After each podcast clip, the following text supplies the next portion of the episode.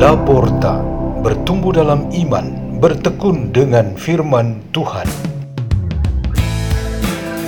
Radio Laporta, pintu terbuka bagimu untuk pertumbuhan pengetahuan dan kebijaksanaan tentang Allah.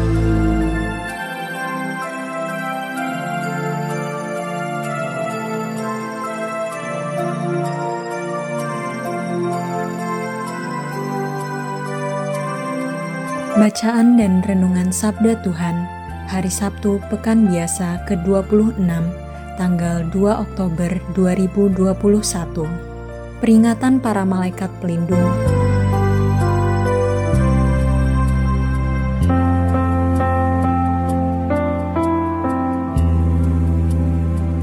Dibawakan oleh Eugenia Regita Putri Aryani dan Stanislas Koska Anandro Waskito dari Gereja Kalvari Paroki Lubang Buaya, Keuskupan Agung Jakarta.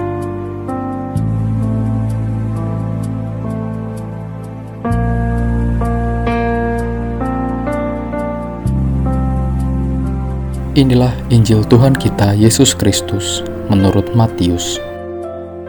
Sekali peristiwa, datanglah murid-murid kepada Yesus dan bertanya, "Siapakah yang terbesar dalam kerajaan surga?" Maka Yesus memanggil seorang anak kecil dan menempatkannya di tengah-tengah mereka, lalu berkata, "Aku berkata kepadamu, sungguh, jika kamu tidak bertobat dan menjadi seperti anak kecil ini, kamu tidak akan masuk ke dalam kerajaan surga. Sedangkan barang siapa merendahkan diri dan menjadi seperti anak kecil ini, dialah yang terbesar dalam kerajaan surga." Barang siapa menyambut seorang anak seperti ini dalam namaku, ia menyambut aku. Ingatlah, jangan menganggap rendah seorang dari anak-anak kecil ini, karena aku berkata kepadamu, malaikat mereka ada di surga, dan selalu memandang wajah Bapakku yang di surga. Demikianlah Injil Tuhan.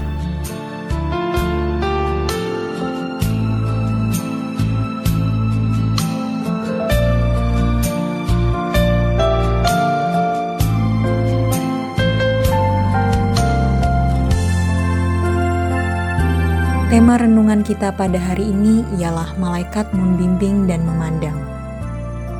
Seperti sudah kita pahami bahwa para malaikat itu adalah makhluk nyata namun sebagai roh.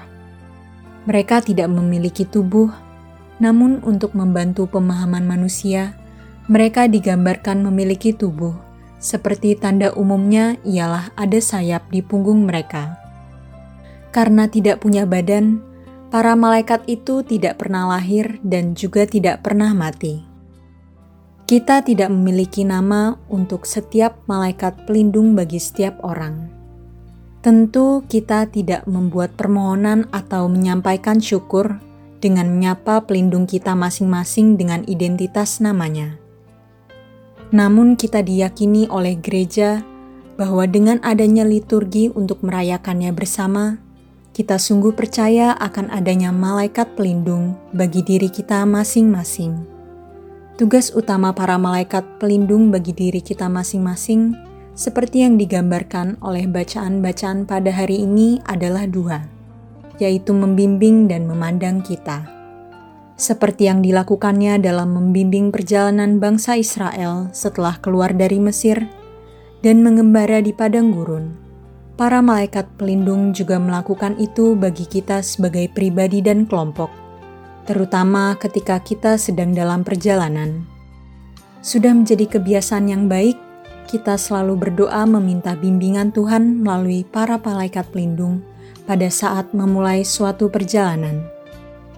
Bunyi doanya ialah seperti ini: "Malaikat pelindungku, Engkau yang membawa kemurahan Tuhan untuk melindungi aku."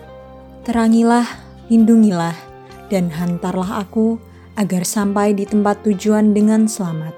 Amin. Inti doanya tetap, yaitu perlindungan ilahi supaya perjalanan dan tiba di tempat tujuan selalu di dalam bimbingan Tuhan. Mungkin ucapan kata-kata doa bisa bervariasi, panjang atau singkat, sesuai dengan keadaan dan kebutuhan orang-orang yang berdoa. Malaikat pelindung membimbing kita. Itu berarti Tuhan sangat menaruh perhatiannya kepada kita yang sedang dalam perjalanan.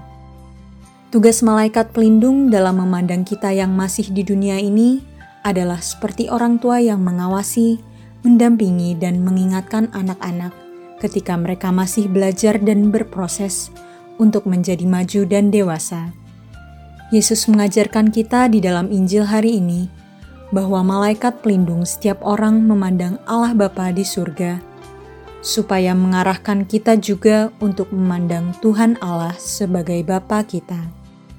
Malaikat pelindung memberikan kepastian arah hidup kita dan kepada siapa kita harus mempertanggungjawabkan hidup kita. Marilah kita berdoa. Dalam nama Bapa dan Putra dan Roh Kudus. Amin.